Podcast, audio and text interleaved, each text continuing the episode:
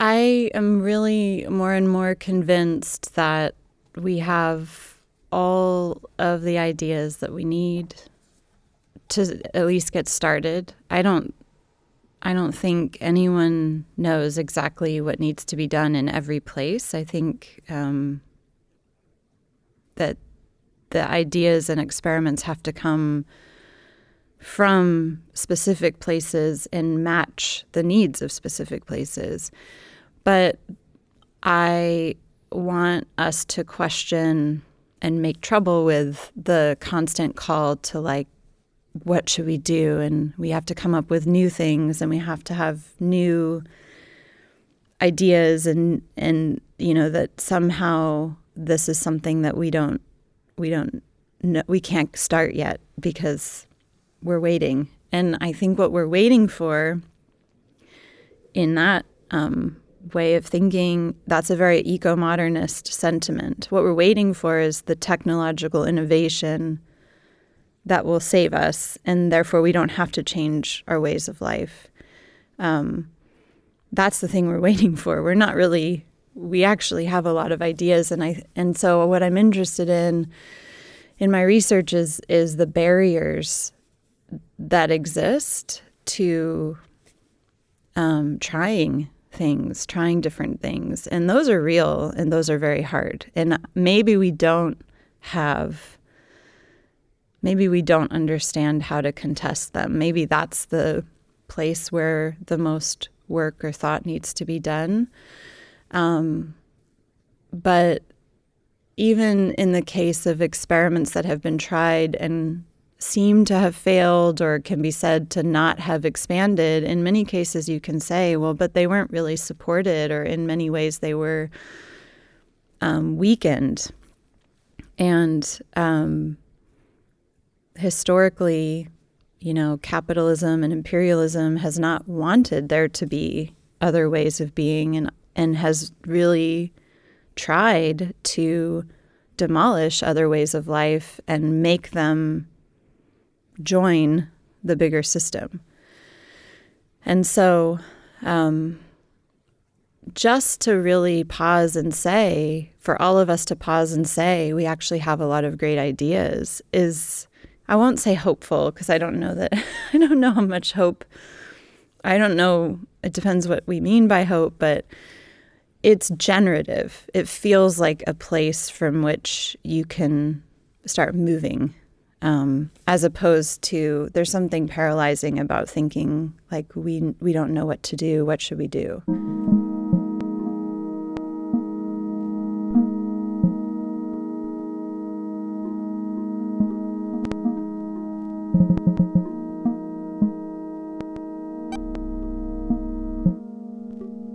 Reassessing and defamiliarizing the historical narratives at the heart of white patriarchal societies is a crucial feminist practice, and one that Cara New Daggett, writer and researcher in the field of energy politics, excels at.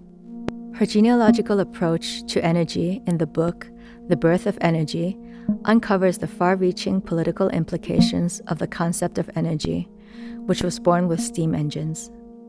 It reveals the extent of the entanglement between energy, power, and work in today's fossil fueled imaginaries, and explains why an energy transition is not just as simple as switching fuel types.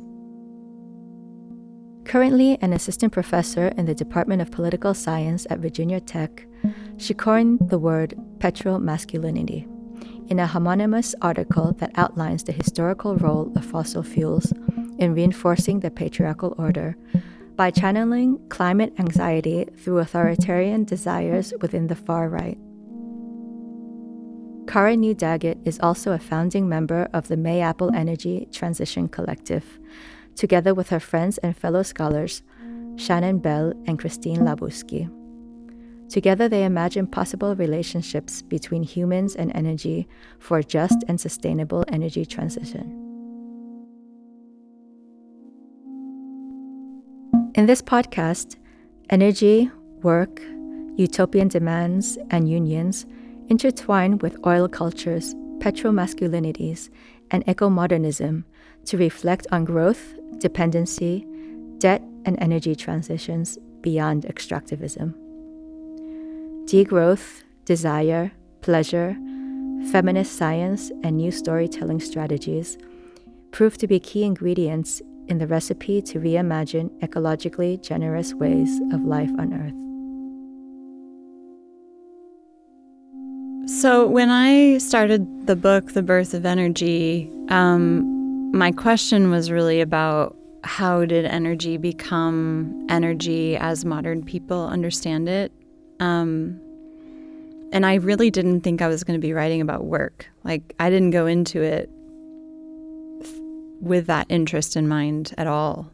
Um, and very quickly, when I started looking at the history of energy and how it emerges in um, the 19th century, in experiments with steam powered engines, in the concern for efficiency and maximization of work, um, and looking at the literature around that around that history of science, but also people like Andreas Malm, who wrote a book called Fossil Capitalism about the transition from water power to steam power, it became obvious that um, this longer standing devotion to work, energy contributed quite a lot to that shift in the middle of the 19th century, which really was an adaptation of a devotion to work in especially Northern Europe to an industrial culture and what energy as a science added, because energy is really just a set of mathematical equations that are tracking energy. So we have, on the one hand, in thermodynamics, the first law that energy is conserved, and the second law, which is that entropy increases. And what entropy means is the state of kind of the diffusion of energy in a, in a system. Um, so it gives tools for quantifying work and tracking it and seeing what happens to an energy input to an output. But because we have this longer standing devotion to work, it infuses this political use of energy from the start where, you know, the math doesn't tell us that entropy is bad. it doesn't tell us that work is good. It doesn't tell us which kinds of work are good and which kinds of energy are bad. But obviously, this enters a culture where certain activities already are valued. And it seems to then ratify them because um,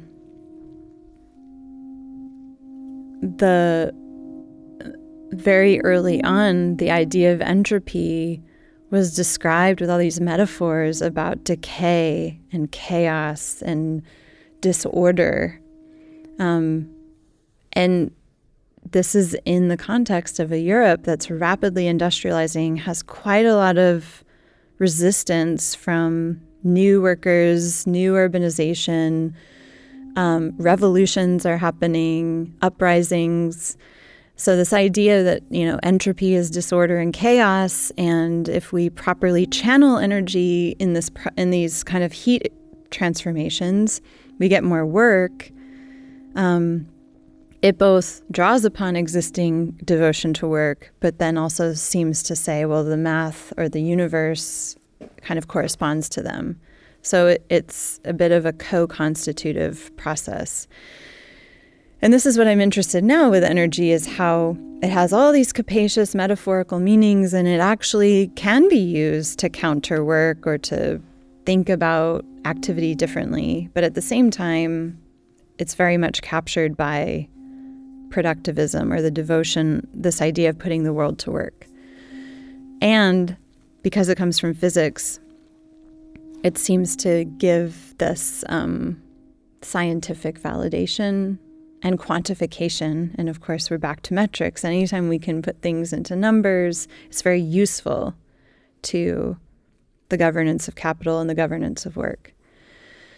Um, so, after sitting with this history, writing about it, and, and really much of the book is interested in the first decades of how um, energy appears in the governance of labor in new imperialism um, in the late 19th century and the turn of the 20th century.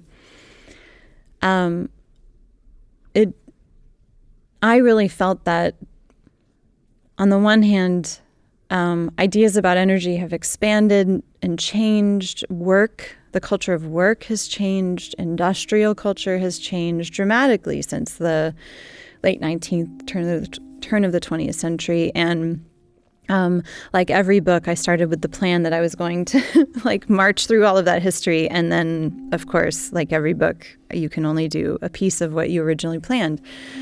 Nevertheless, it really felt to me that this logic of work still does dominate how we think about energy, even though there are there are important differences to pay attention to. And so um, this at the end of the book, I um, turn to post work movements and critiques of work, which don't always explore environmental dimensions or energy dimensions, sometimes, but, but I would say not always, as a, a potential alliance to be made.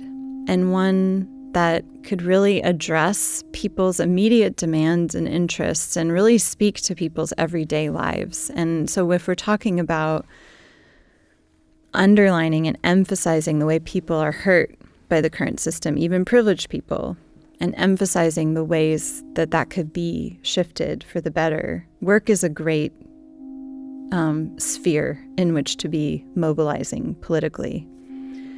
Um, work and health. Health is the other one that, obviously, for environmental justice movements, the idea of public health has been important both of which touch upon people's bodies and people's everyday lives and experiences. Um, and so I took a book by Kathi Weeks, which is called The Problem with Work. It's a fantastic book. Um, and she, again, she doesn't talk about environmental dimensions to the critique of work, which is fine because it's, it's a big book and has a lot of other things to do. But she makes two utopian demands in that book. And she calls them utopian demands because she says a utopian demand is um, something that's radical, that if it was implemented, would open up the possibility of transformation. But at the same time, is conceivable, is something you could execute in the current system. And she emphasizes that utopian demands are not the answer, it's not the end, that they're really just this way in. And one of the exciting ideas is that a utopian demand is the route through which we can form new political subjectivities, because in the act of making a demand, you find other people, first of all, who share your demand and you also begin to think of your own self and your needs differently. So she uses the wages for housework movement from the 1970s, where feminists started to demand wages for housework. In part, you know, she was saying it's not so much that if we gave wages for housework, everything would be solved. It's more a provocation to think about how housework is valued. And in making that demand, a lot of people and feminists became new kinds of political subjects and came to think about themselves differently. So that's the background of utopian demands. Her two demands are um, a universal living income and a shorter work week. And um, so I just end the book by saying, you know, these could also be maybe energy transition demands, and they're not about fuel, they're not about technology. Um, and I gave all that those caveats because when I wrote that, even at that time, a UBI was kind of super marginalized, and very quickly, it's interesting, it became I think it is a much more discussed term in politics. And even libertarians are interested in it because through a UBI, you could have, you could get rid of government and get rid of public services and public goods. So, you know, it, a UBI, again, can be implemented in different ways. and doesn't necessarily solve everything. However, I think in terms of trying to build subjects who not only can start to think about themselves and what they might want and demand beyond work, but have the security for doing that and and sort of taking care of people who are really right now in the US often working two plus jobs to just feed themselves and their families. I do think it's important and I think it would you know something like that could conceivably take the teeth out of the fossil fuel PR, public relations, which is all about providing jobs. And I mean, what if people didn't need to work these dangerous, dirty, and not anymore because we don't have unions, not always well paid jobs?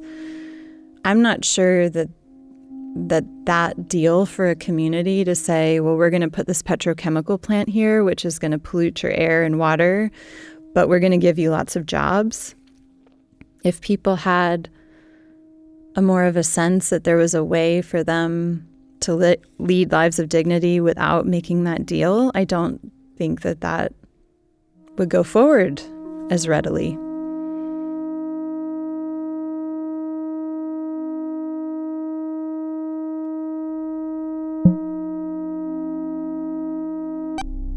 That that history of uh, especially coal being tied to democracy through worker movements is so vibrant. And you know Timothy Mitchell's Carbon Democracy is is I think the best book about this history.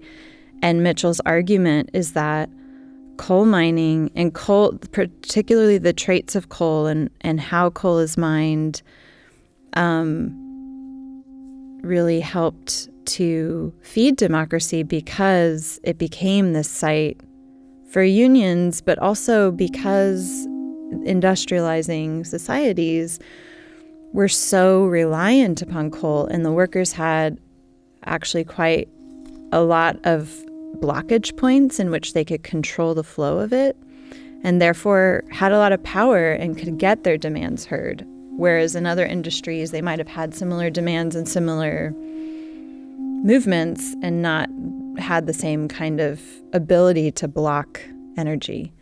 So, yeah, you have this vibrant history of democratic socialism, really, um, and unions, and um, a kind of uh, tension between mining and coal companies and workers that you're right now is really and it, you, we see this like identification between workers and these coal companies. So how does that happen? I mean, there's a lot of, a lot written about this, and it's not my my particular area. And this is where Shannon Bell, my other co-author, would be wonderful because her focus is Appalachian studies, and Appalachia is the mountains where you know, West Virginia and Kentucky, where a lot of the coal mining happened in the US, and that's where we live now. But um, one thing that happens is neoliberalism. So, um, the kind of gen- more general death of unions in the US, corresponding to a decline of the coal industry, but also a very vigorous and effective public relations campaign on the part of companies to help switch that identification from the identification that workers had to their union. And as unions become less powerful, making sure that identification shifts onto coal and onto the coal industry as a larger force and the coal companies. Um, and it's quite, it's sad, really. it's sad because you can have these families where the older generation and the coal community was really around the union as the way that people would um, organize themselves and identify themselves. And now it's around coal itself. And it's hard to imagine how to shift that again in a culture where unions have become so demonized and also so um, really shorn of any potential. Like Virginia, where I work, it is illegal for me as a faculty member in a public university, it's illegal for me to unionize. And it's called right to work legislation. so that's where we are.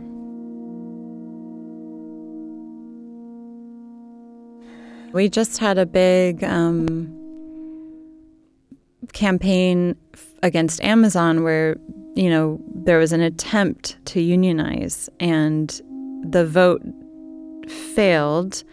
But I think now, if I'm if I'm right, I think now the um, Amazon is being sued for having, you know, tried to kind of sway the vote and try to convince workers against it. So Amazon is constantly um, in efforts to be sure that its workers don't unionize. And part of it is saying, well, well, look, we're paying really good wages, or we're doing this, or we're doing that. You don't need to unionize because we're going to take care of you. It's amazing that this strong, vibrant history of unions has been really erased in American consciousness.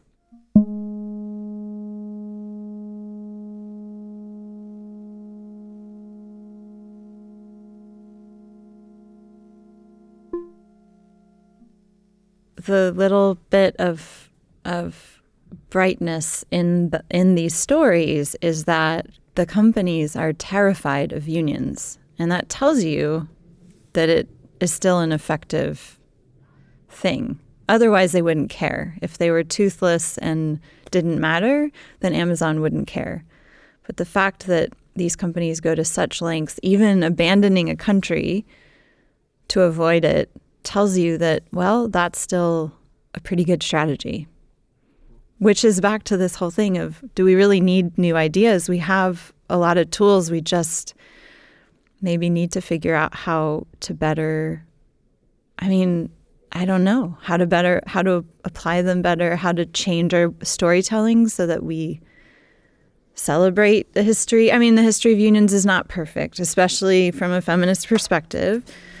Um, but that doesn't mean that it should be abandoned, right?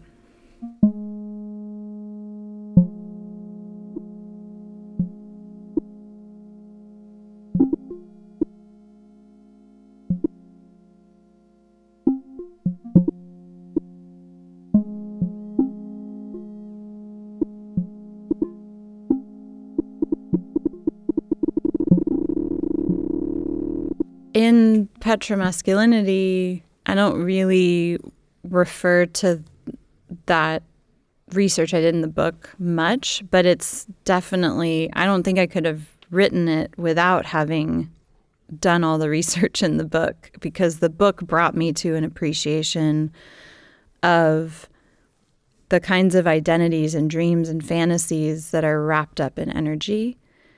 And then Petromasculinity was what I wrote as my therapy after Trump won the election. And it was just, I mean, I think a lot of people wrote wonderful things in the wake of that, of trying to make sense of that. And um, so I had this historic understanding of energy as being connected to cultures of work. And in the book, I I did use a lot, some feminist perspectives, and especially at the end of feminist post work politics, but I hadn't thought as much explicitly about masculinity. Although I think it really it is about masculinity too, in a way. Um, but I mean, the word itself. Someone asked me earlier this week about. They said, "Oh, I did a word search in the book, and it's only like two times that the word masculinity appears." But I do think the book is also about masculinity in the sense that it's about cultures of work and production um, and science. So you know, I had this feeling by the end of the book that there's this big um, space around energy that's more than fuel and technology. It involves culture, it involves work, it involves um, also desire. And then the Trump election, um, you know, now in retrospect, and even at the time, I think a lot of people, and especially in the US, especially people in, you know, Black Lives Matter, people who have been fighting racism, could say this is not new. Trump is not a new, brand new thing that comes out of nowhere. It's really an intensification. And also kind of a um, mostly just a willingness to state what had been happening um, and to state it with pride, which was which was new. For, for I mean, I think it was new, especially for white people, to to hear what had been coded said out loud and also said as if it was something that was worth celebrating. And the same thing with energy, the same thing with the support of fossil fuels, um, something that had been happening for decades, this collusion between oil companies and all politicians, but you know, oil companies do give more to Republicans, but they also, I mean, you can also see it in Democrats who support, especially support fracking um, for methane gas. So you had this kind of longer way that fossil fuels had shaped politics and the support for fossil fuels was kind of prominent in public discourse. But with Trump, he really brings out and makes transparent the kind of masculinity behind that and the identity behind that and the way that it's not just fuel, it's a symbol. It's a symbol of a whole way of life. And so that that I think is new because it again makes explicit something that had been that you had to kind of tease out before. In a place where coal mining had already been supplying fewer and fewer jobs through because of automation, but also because coal we were already transitioning away from coal globally, not just in the U.S. And so there was this trend that the industry had already been kind of fading and already was not really providing those kinds of jobs to communities and had really kind of abandoned those communities. And so, this idea not only that he appeals to the work of a coal miner, but it's really nostalgic because it doesn't exist anymore. And also, most people who know anything about that industry understood that there's nothing he could do to make it come back. So it very, it very much was a performance and not a real. I mean, everything, almost everything about that campaign was, but um, even though it was a performance, and even though people understand that, it it draws upon something that is really felt deeply um, and works politically.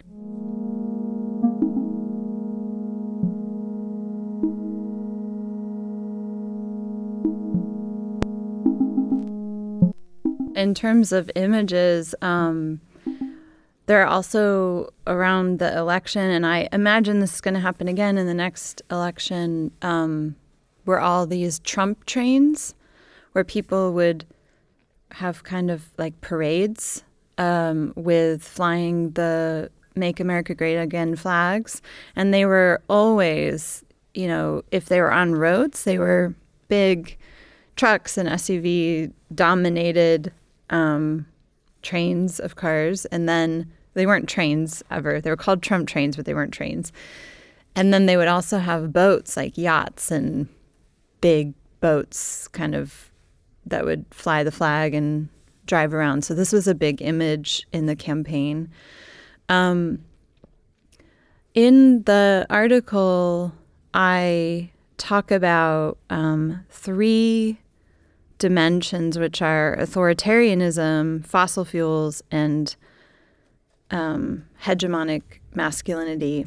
And so I start by acknowledging all the research that's been done to show the association between d- the development of the fossil fuel democratic West and authoritarianism. And a lot of this draws on, again, Mitchell's work as a prominent example of how this idea that fossil fuels or industrialization is connected to democracy ignores the way that America supported and benefited from and preferred authoritarian regimes often in oil producing regions because that meant that the supply would be easier to negotiate and control. Um, so, kind of complicating the picture that the spread of fossil fuel industrialization is hand in hand with democracy, but really showing that authoritarianism has always been part of the picture of fossil fuel extraction and that the West is implicated in that. And then, in terms of fossil fuels and hegemonic masculinity, pointing to the way a particular kind of hegemonic masculinity, which is in this case the American one, and the nostalgia that make America great again and this whole vision in the far right in the in America is really a nostalgia for this sort of post-war suburban breadwinner male figure which um, that development the, the spatialization of that and the structure that permits that kind of figure is really part and parcel with the supply of fossil fuels being ongoing and cheap. Um, so, specifically, highways, um, cars for as part of the American dream of the suburban home, um, the situating of the workplace far from the house, and the separation of public from private, and the private being the sphere, the feminized sphere, and the sphere of reproductive labor that's not paid. And then the breadwinner, the idea that the wage, you know, being a man is having a wage that supports a wife who doesn't work and stays at home in that dream house. And both of these tracks, so the sort of authoritarianism part of fossil fuels and the masculinity, this dream of a certain kind of way of being a man, are both really increasingly under pressure. Um, and I think one in the sense of the authoritarianism that holds up fossil fuel extraction more and more being necessary even at what was imagined to be this democratic core. So, when faced with climate change, it does appear that the defense of fossil fuels turns to authoritarian measures to uphold it. And then, in terms of um, this vision of masculinity, for a whole host of reasons, that the breadwinner wage is no longer um, possible, and wages, real wages, haven't gone up in a long time. And you could think about the victory of feminism in terms of more women entering the workplace as also masking a little bit this wage problem because now you have two incomes supporting the family, and therefore the, the fact that wages haven't gone up gets concealed a bit. But on the right, where this kind of vision of women as being ideally staying at home, um, and also in communities where there's not as much privilege, there's not as much wealth. For example, in a mining community where there were, were pretty well paid jobs and union jobs, the loss of that is then also the loss of this idea of what it means to be a man.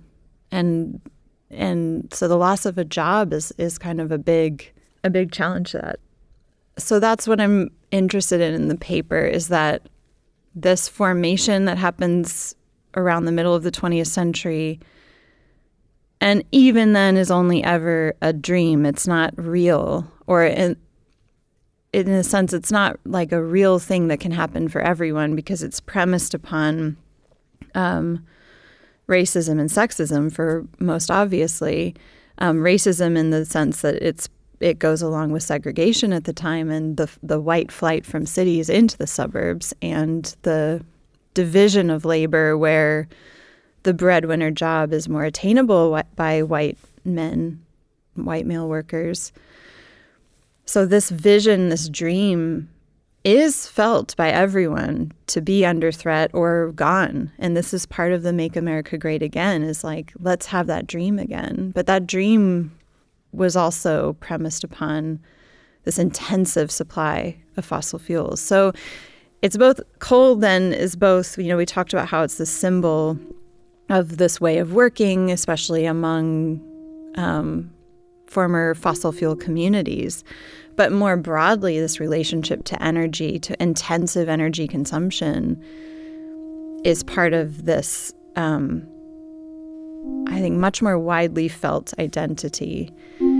And the loss of that identity, then, one way, you know, one way to kind of perform or claim, reclaim that is through intensive, the intensive use of fossil fuels and the support of, of fossil fuels.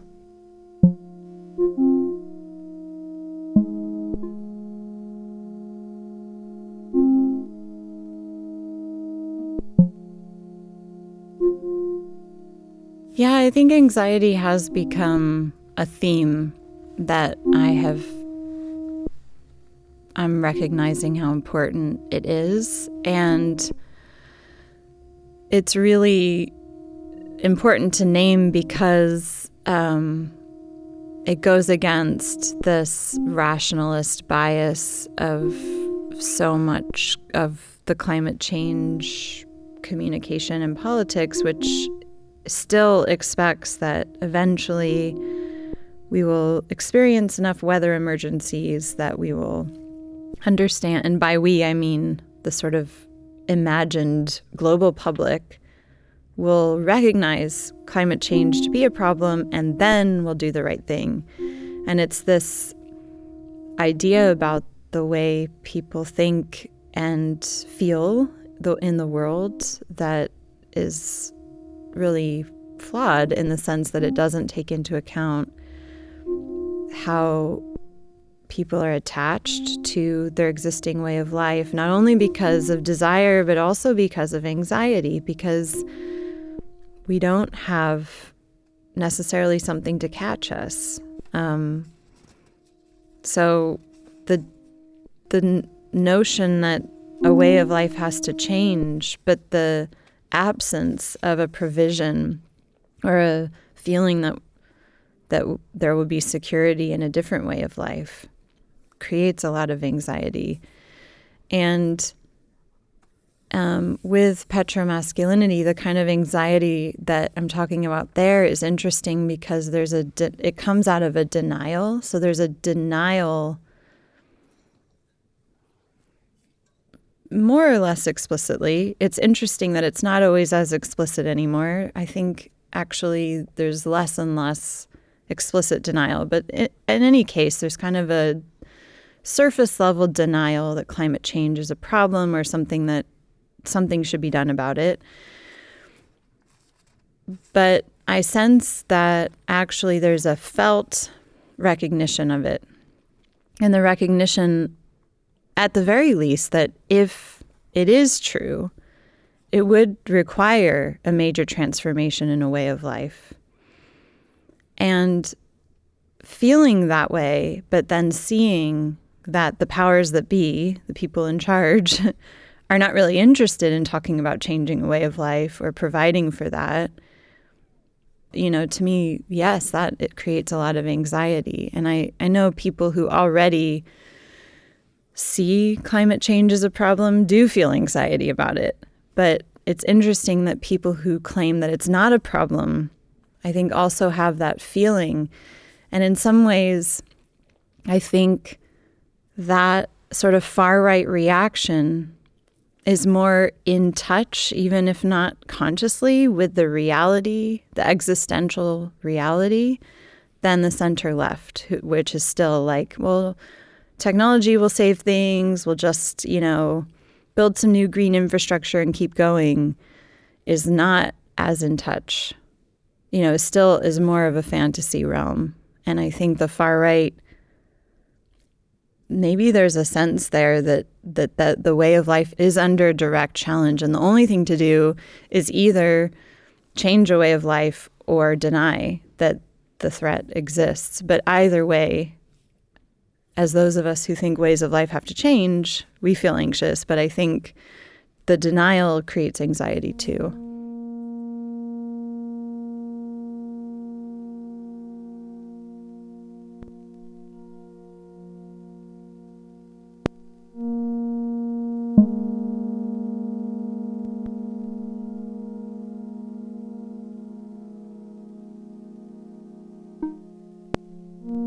In some ways, there's two.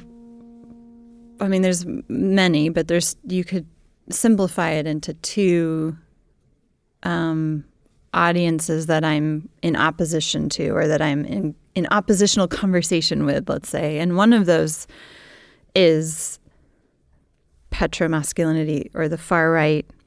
Um, and one of them is very different, and that's eco modernism. And eco modernism sees itself also as in opposition to the far right and the defense of fossil fuels. And it's not my term, eco modernism. Um, so I'm just drawing upon a lot of research into, and actually, pe- there are people who refer to themselves as eco modernists. So it's it's.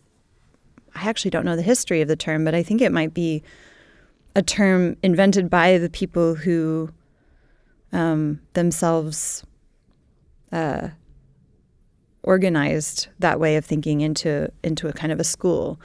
But it is very dominant in especially American and European mainstream discourse about the environment. And this is um, what some eco modernists define it as as the um, belief that we can decouple eventually this industrial modernity and the technology associated with it from ecological harm and from environmental harm. And that that decoupling can happen through more innovation and more technological advance.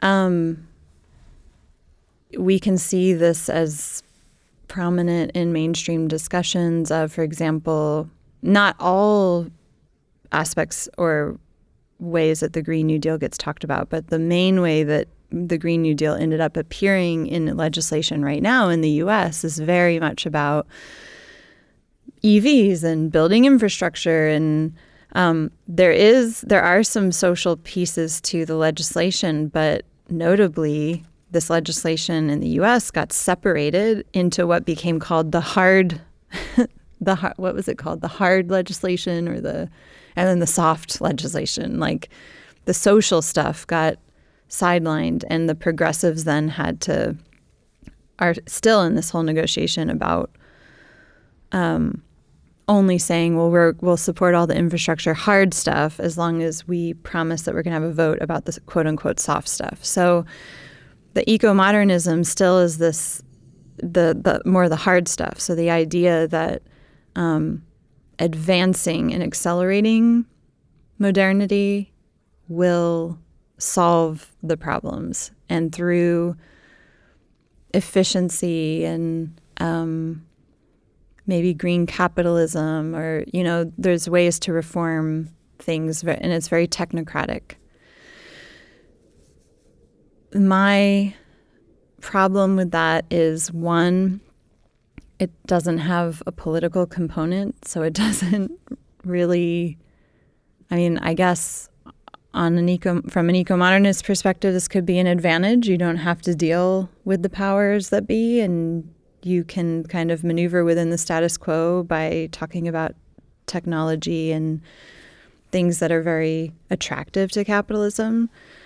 But um, it doesn't recognize all of it doesn't recognize that the harms and violences that have been done historically in partner with industrial modernity and industrial capitalism, it doesn't recognize those as part of the logic of modernity and capitalism. Instead, those are kind of unfortunate things that then we can fix through the very same process. Um, and so it doesn't challenge power. And I think challenging power is important to really understand and be responsible for and accountable for past and present harms and therefore not replicate them in the future. And related to that, if you have that view of history, then you also really can believe that technology alone can save things without there needing to be a change in, in ways of life. And I just don't think that reflects any reality. It doesn't reflect historical reality, but it also just doesn't ring true to what we know about how life works on Earth. Um, I don't see any evidence or reason to think that human life can be quote unquote decoupled from the earth. So it really reifies that idea of a separation between culture and nature, between humans and nature. Um, and, you know, ethically, I have a problem with that. But I also just think reality wise, it's not. It, it's not been explained to me how that actually works or that there's any evidence that it could. And I think the better evidence we have is that some of the leading eco modernists, people like Elon Musk, also Jeff Bezos, who's the Amazon head, are interested in space and colonizing and going to outer space. And I think that to me shows it's not realistic unless we talk about finding new frontiers for extraction. You know, that somehow mining on the moon, then we don't have to deal with the messy reality of extraction. We can just imagine that that's an innocent thing.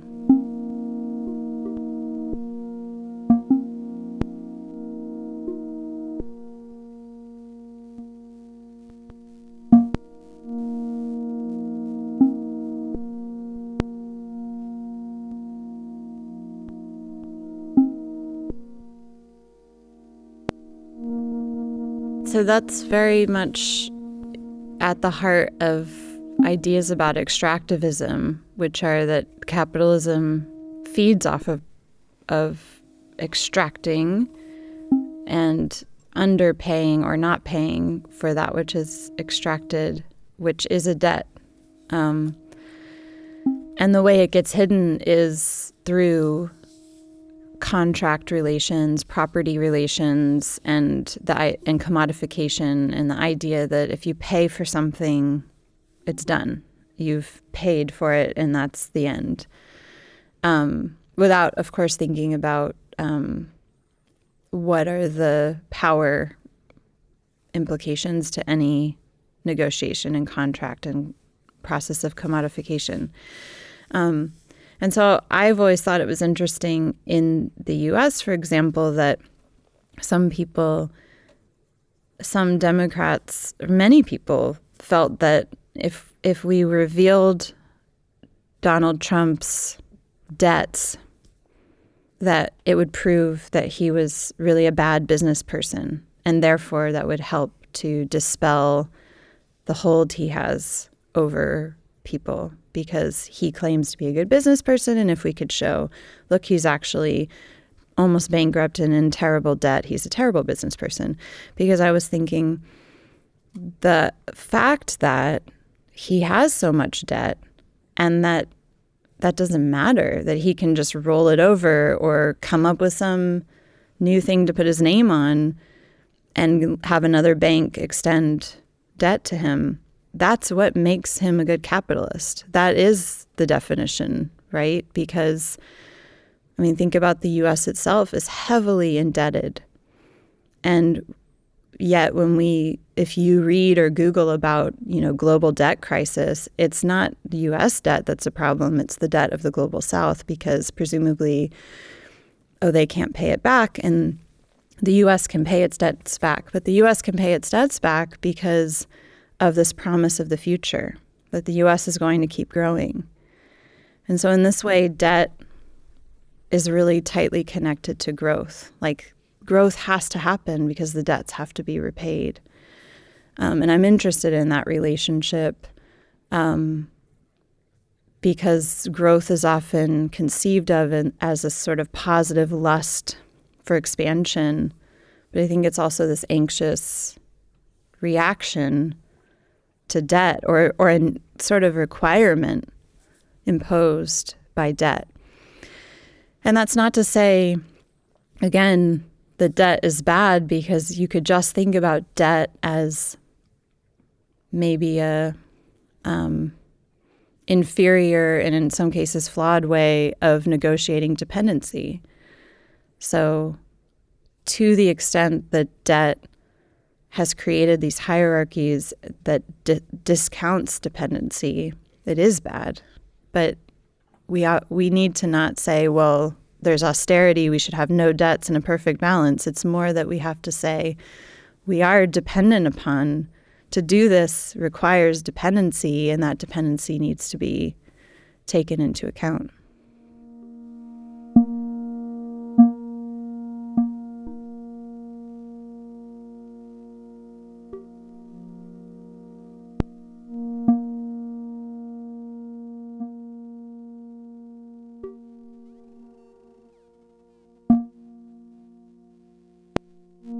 Um, so this is the book that I'm starting to write right now is about growth because I want to and I think it would be very much contributing to degrowth, which is a really um, been a very innovative literature. And uh, it's interesting. I was just in France and I was talking about degrowth with people there, and some of the French academics were saying you can't even talk about de- like degrowth is just completely off the table. It's so seen as so radical, and I, I found that interesting. I mean, I think it's similar in the U.S., but I, I'm curious to know how it's received in Spain.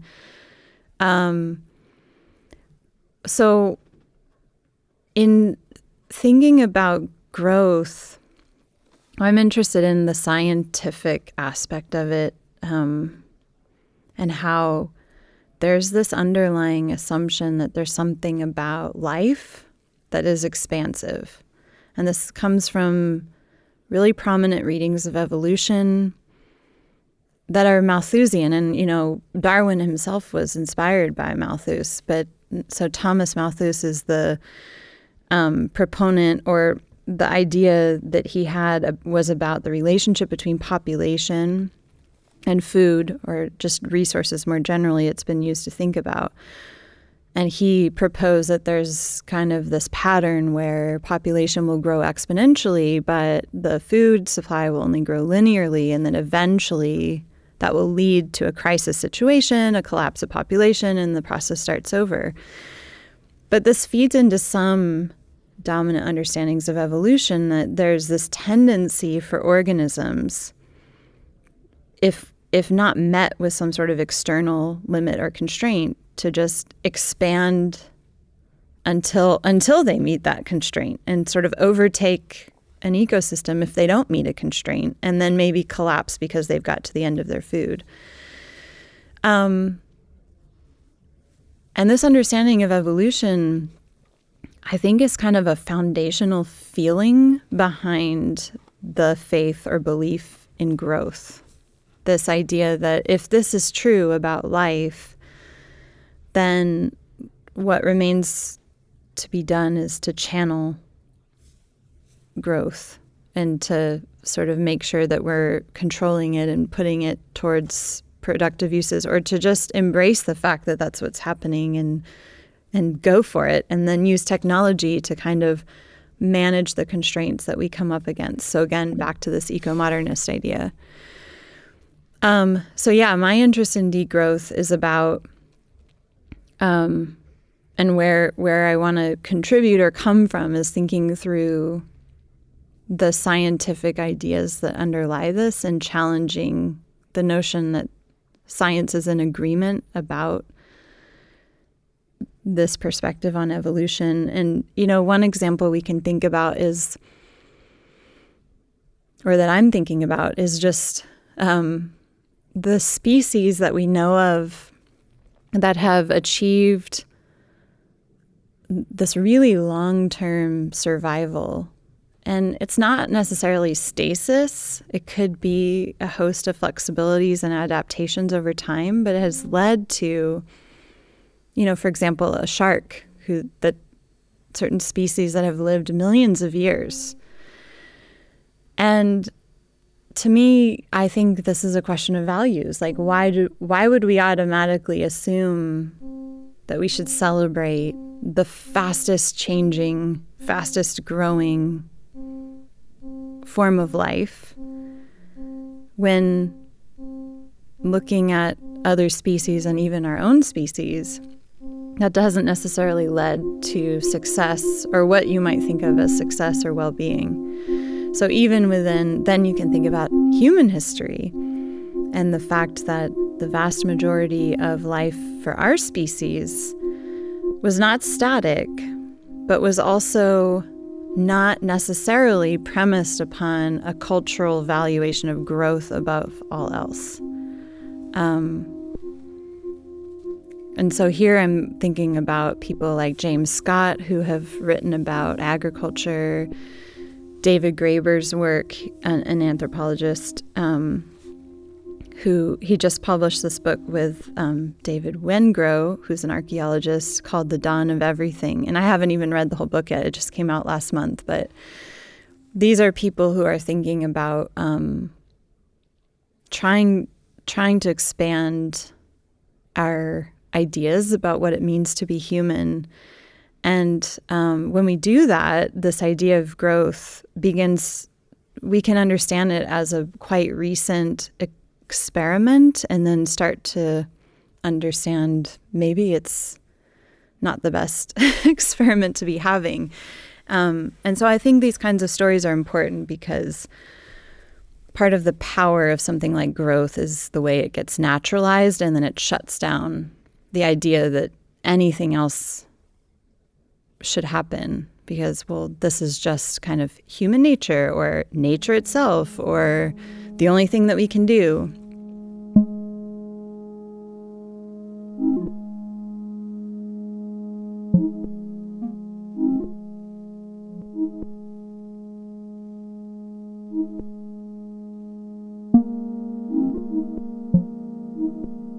So far, what I think is the problem is the um, fear of dependency, which is on the underneath of freedom as independence. And um, freedom as independence is sort of the dominant mode in the West. And that's very much that you want to be sufficient and you want to um, not have to depend upon, especially the government, but really anyone, that you're a self made person. And that's related to limits because the idea is um, freedom is connected to the notion of property and, you know, the freedom to do what you want with your property. And that having that property is part of what makes you able to be independent.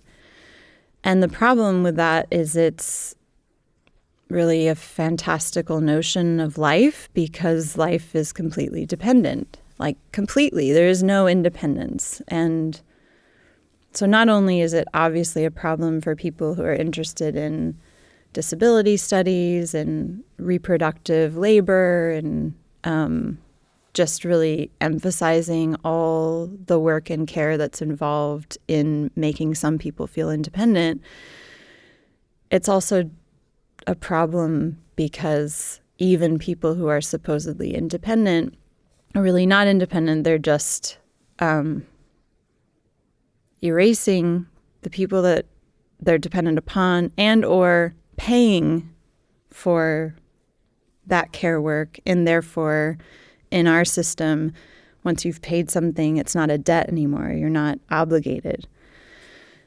And obviously that kind of freedom is appealing. And it has its seductions. And i think it's important not to forget that that even though it's fantastical it is a sort of a desiring machine that has to be contested on that basis. But um, historically, that kind of freedom, I think, is very insecure and leads to a lot of anxiety because if you are trying, if you're denying or erasing or not in reciprocal mutual relations with those people and things upon whom you're dependent, then obviously you're in a hierarchy. And the people and things upon whom you're dependent could at any moment refuse to take care of you and reproduce you. And I think that creates a kind of anxiety of the independent master, quote unquote, you know, person in the top of the hierarchy.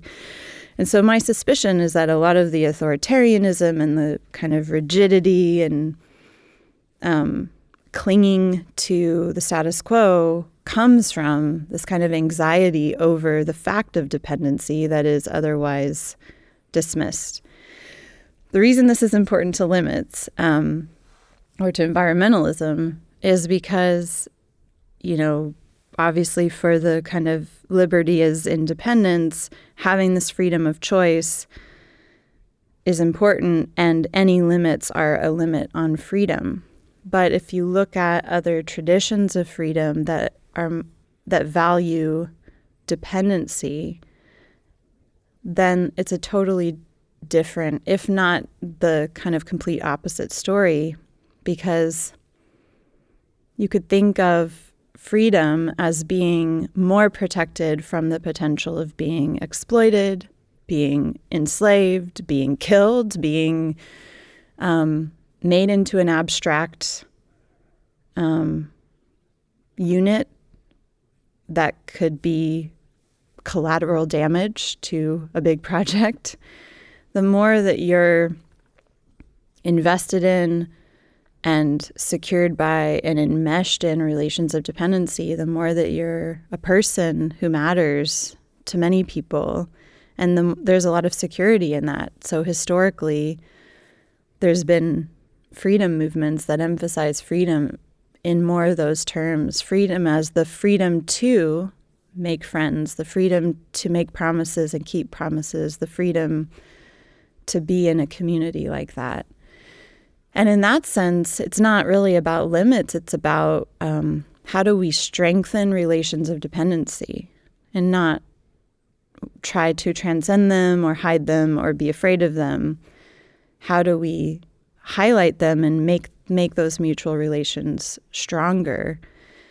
And then, you know, it's less about limits then and more about well, clearly what's happening right now is not is making all of those relations of dependency very brittle and prone to breaking at any moment. And that is creating, I think, a lot of anxiety for people in the West who are relying on that and could at any moment have to face the world in which people refuse to provide those forms of care and labor and things, and the earth refuses, right?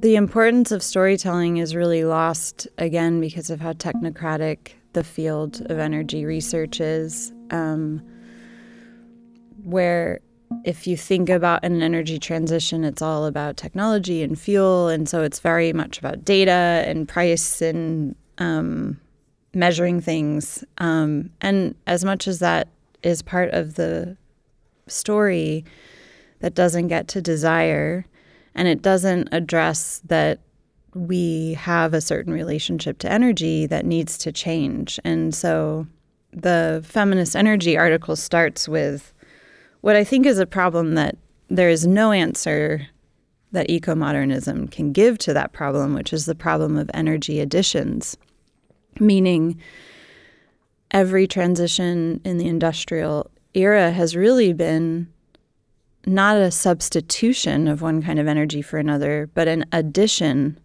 to the overall energy consumption pattern, an addition of a new source of energy. And we see that happening with renewables. So, renewables do not substitute out fossil fuels on a one to one basis. And the majority of renewables are just expanding the consumption of energy. And the problem is once you present that story, too often um, the response is to focus on consumers, individuals, as the problem. So then to start thinking about how can individual people use less energy. So that's, you know, one thing is the importance of thinking about production and systemically how energy is produced and also commodified and how the whole mass consumerist cycle works beyond individuals. But the second one is really thinking about, um, on a systemic level, how we could transition to a different relationship to energy that is more just and also more pleasurable potentially. Um, certainly for more people, but I think even for privileged people. Um,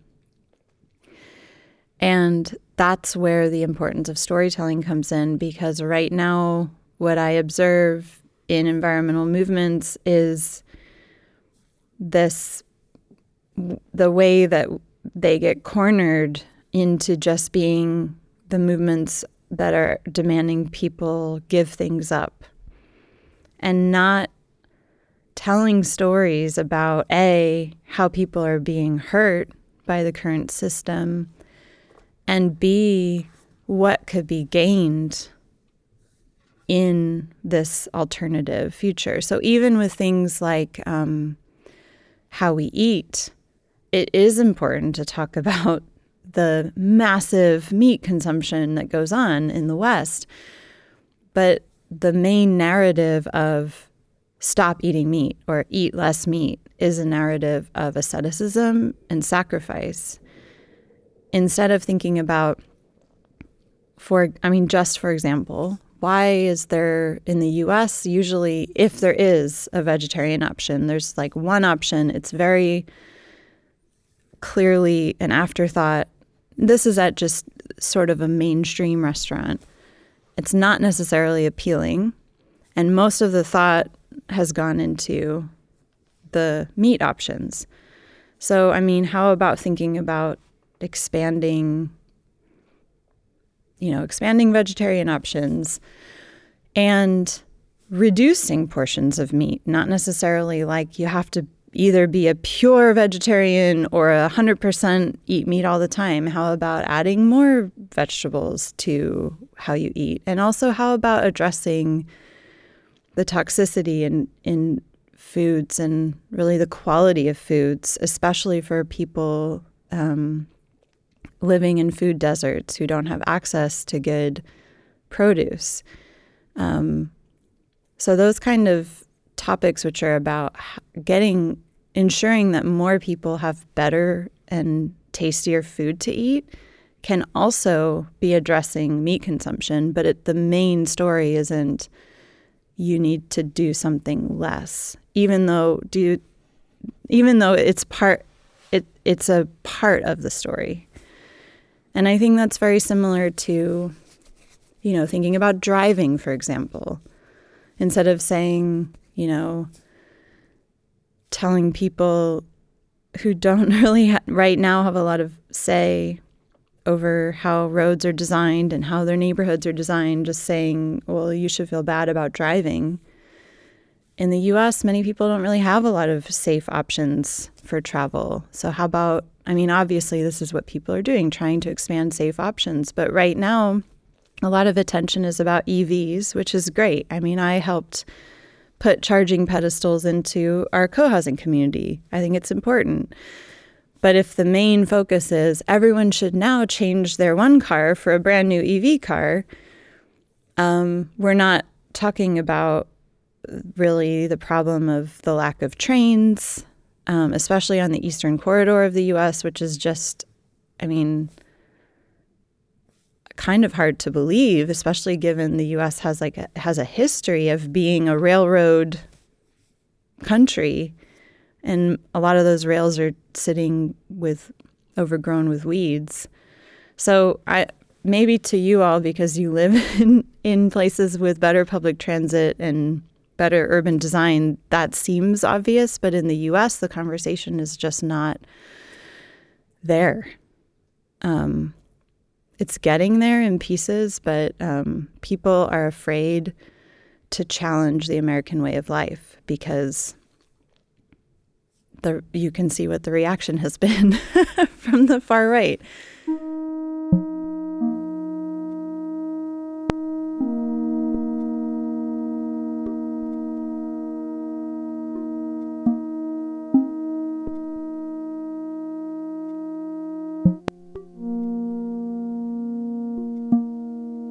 The paper is Toward Feminist Energy Systems Why Women and Solar Panels Aren't Enough. I wrote that with two colleagues that I have at Virginia Tech. It's the Mayapple Energy Collective, Shannon Bell and Christine Labuski. And the mayapple is this flower that's native to Appalachia and where we live. Um, and it's it's rhizomatic, which is cool. So it's a plant that, um, you know, grows through these underground horizontal connections. It's really, it's, it's really this beautiful green that comes up in the spring and kind of carpets the forest floor with green, and then has this beautiful white flower, but it's often hidden underneath the green leaf. So you have to look for the blossom underneath. One thing we wanted to do in this article was to I mean, we asked we asked ourselves that question, like what would a feminist energy system look like? But I think in asking that question, you can see you can hear that our interest was in um, being constructive in the sense of actually trying to and taking the risk of putting forward clear agendas, like you said, and, and ideas. Um, and luckily, I mean, that's why there are so many citations. It's really not us coming up with new ideas, it's more curating and bringing together a lot of critical work in energy studies because. Um, in conversations, and I don't want to unfairly characterize engineers or more technocratic um, approaches to energy, but often the knee jerk reaction or the pushback is like, well, what what should we do? And you know, um, it's not practical or or things like that. And so one of the things we wanted to say is there's a lot of really great practical experiments and ideas. The problem isn't that we don't know what to do. The problem is there are these. The problem is power. You know, the problem is these ideas are not allowed to come to fruition, they're not tried, or they're um, deemed to be impractical from the start. So we imagined, we, we went through a couple um, iterations of how how to even structure this because it's really so if you ask like what should a feminist energy system be and i mean that's a big question so even coming up with this division into technological, socioeconomic, um, or socio-ecological, economic, and political, already um, anytime we use categories, we're doing violence, um, we're oversimplifying. I mean, it's hard. It's hard to write something big like this, but we we really thought about this as can this offer a framework for people who are involved even for technocrats who are involved in energy system building to you know can we both sort of be honor the critical work but do something that might be able to be picked up and used on the ground in terms of people trying to think about how do we build an energy system here or what would that entail and part of the hard thing is that all of us, and I'm sure, I'm guessing probably you too, feel that an energy transition is not just about fuel and it's not just about infrastructure. It's about how we work and how we value our time and efforts, and it's about justice and it's about anti racism, it's about feminism. So also how do we do that? How do we think about, you know, speaking to technocrats or speaking to people building energy systems, but also make sure that it's always thinking systemically. So anyway, those were those were a lot of the challenges that we faced and part of the reason we came up with these different categories was imperfect as they are, they do a little bit organize different disciplines or ways of thinking about energy in the field. And so they can we can kind of speak to those different domains but bring them all together. And in terms of um, specific examples one of the most exciting things that has come out of this article so far has been um, two uh, graduate students who are also working in the energy sector in Hawaii contacted us and they had read this article and they were working with an indigenous group in uh, Molokai, which is a, an island in Hawaii, about how to work with the cooperative there to think about what they want their energy system to be and to look like. And one of the problems in Hawaii, and I think in many places, is that actually sometimes there's local resistance to top down energy transition ideas, even green ones. There's not a lot of trust, and there's often not ownership. These are often very private, kind of big systems that get imposed upon local communities. And um, the interest of this group was to start with the community, thinking about um, what they wanted, what an energy system that honored their community would look like. And so they used some of this article, I think, as a launching point but one of the projects that they did was was they're trying to work on creating an alternative metrics for the RFP, which is like a request for proposals, by which energy companies would have to sort of engage with the community and tell the community. And usually these metrics are all data driven. It's all about, you know, quantifying and it really especially comes down to cost and everyone then is reduced to thinking about what's the cheapest or what's going to save the most money, which is not always going to correspond to what's the most just or most sustainable.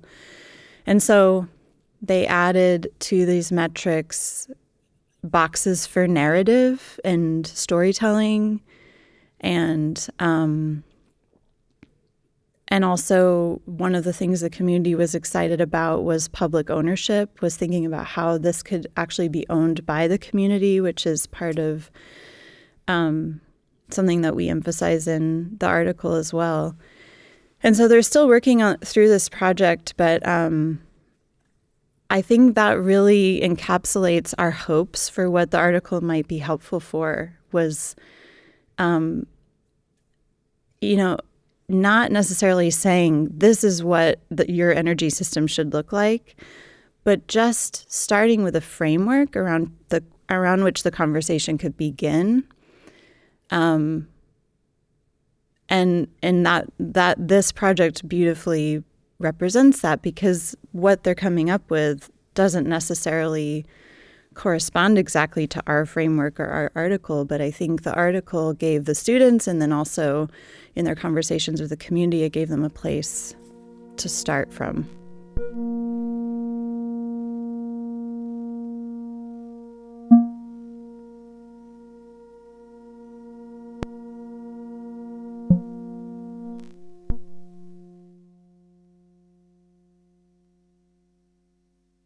Responsibility and accountability are really important va- well feminist values but also and it's not just feminism that would embrace those. And i and i think especially in the section we have about staying with the trouble um, which is donna haraway's term for seeing that a lot of life involves dependency and not looking for this pure and perfect solution and then being paralyzed until we can find it, but rather emphasizing and highlighting and paying attention to the trouble and staying with it and seeing what we can do to address it. And so, specifically, we're interested in that with renewable energy transitions because solar and wind are can be and are extractive too. They rely upon rare earth um, mineral, you know, lithium from Bolivia. And also, there's the whole question of what happens to these technologies afterwards in terms of waste and how they are or are not recycled and disposed of, whether they can be repaired or not. Um, and these ideas can be used to say, well, we, oh, well, if solar and wind are bad too, then we just throw up our hands and like, we can't either, we can't critique them because that means then what should we do? We can't do anything. Rather, it's okay, let's acknowledge that using energy is extracting something and how can we do that in a way that pays back or reciprocates better? Um, so, a specific example would be there's another energy researcher named Myles Lennon who is doing work with Black communities who are um, building solar systems and solar arrays. And he noticed this tendency to, you know, start with these conversations that were about um, justice and a vision of um, solar power as something that's going to give the community more voice and more ownership over their energy. So, you know, starting with these big feelings and and goals about around the transition, but then in the stage when you know you start actually talking to providers of solar panels and thinking about okay well what which ones are we going to buy and which ones are we going to install it gets collapsed often back into the question of price and the question of um, metrics. And it's really hard to fit those justice concerns into that process. And so what Lennon, some of his work is thinking about, um, he calls it moving from a means of reduction, which is how do we reduce things, like how do we reduce um, carbon and reduce fossil fuels, to the means of production. So thinking about how is energy produced as being an important part of a transition. So in this case, um, including on those metrics things about where the panels are from and what are the labor and environmental protections of those communities and how might we make solidarity between workers and movements in these communities where certain decisions might be providing cheaper energy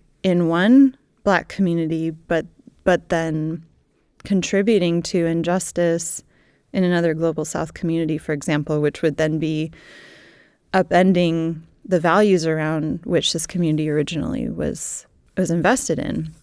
And so things like that are really exciting. And I've just noticed in talking about it that both Lennon's work and the work of these um, researchers in Hawaii are both coming to this question of um, how do you communicate this in these RFP materials when when you take these visions and then you actually are sort of at the stage of interacting with the providers of energy technologies and how do you get around the data focus?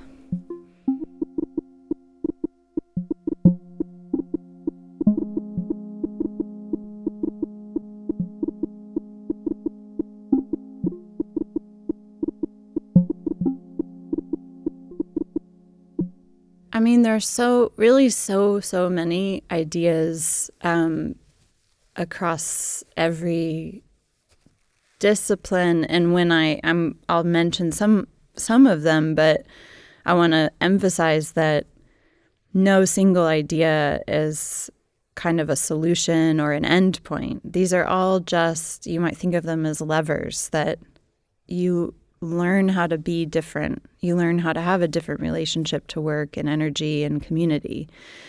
Um, so, co housing is one example that's been popular in Europe and and North America. I, well, maybe not popular, but it's been pop, it's been kind of built there.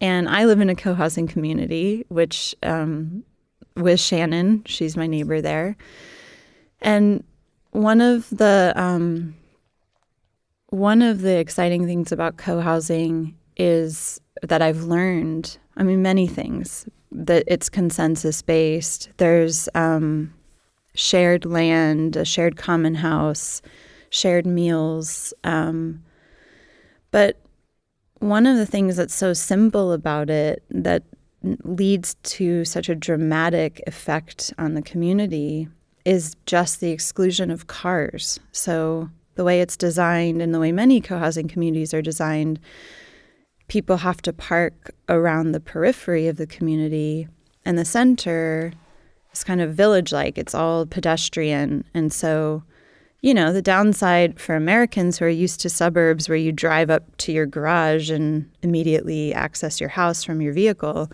you have to, you know, we have carts and you have to cart your things in like many city city dwellers are used to carrying their things around and upstairs, but um, you know, as opposed to the neighborhood right next to us, which is more suburban, that's definitely might be seen by Americans in a rural setting as a downside. But um, what it means is the kids just run freely in the community. Everyone in order to check your mail or go to and from different places. Everyone's walking and you're seeing your neighbors a lot. All the houses are built much smaller than a typical American suburban house and very close together. So, um, very, very small lots. And then much of the community is left as woods.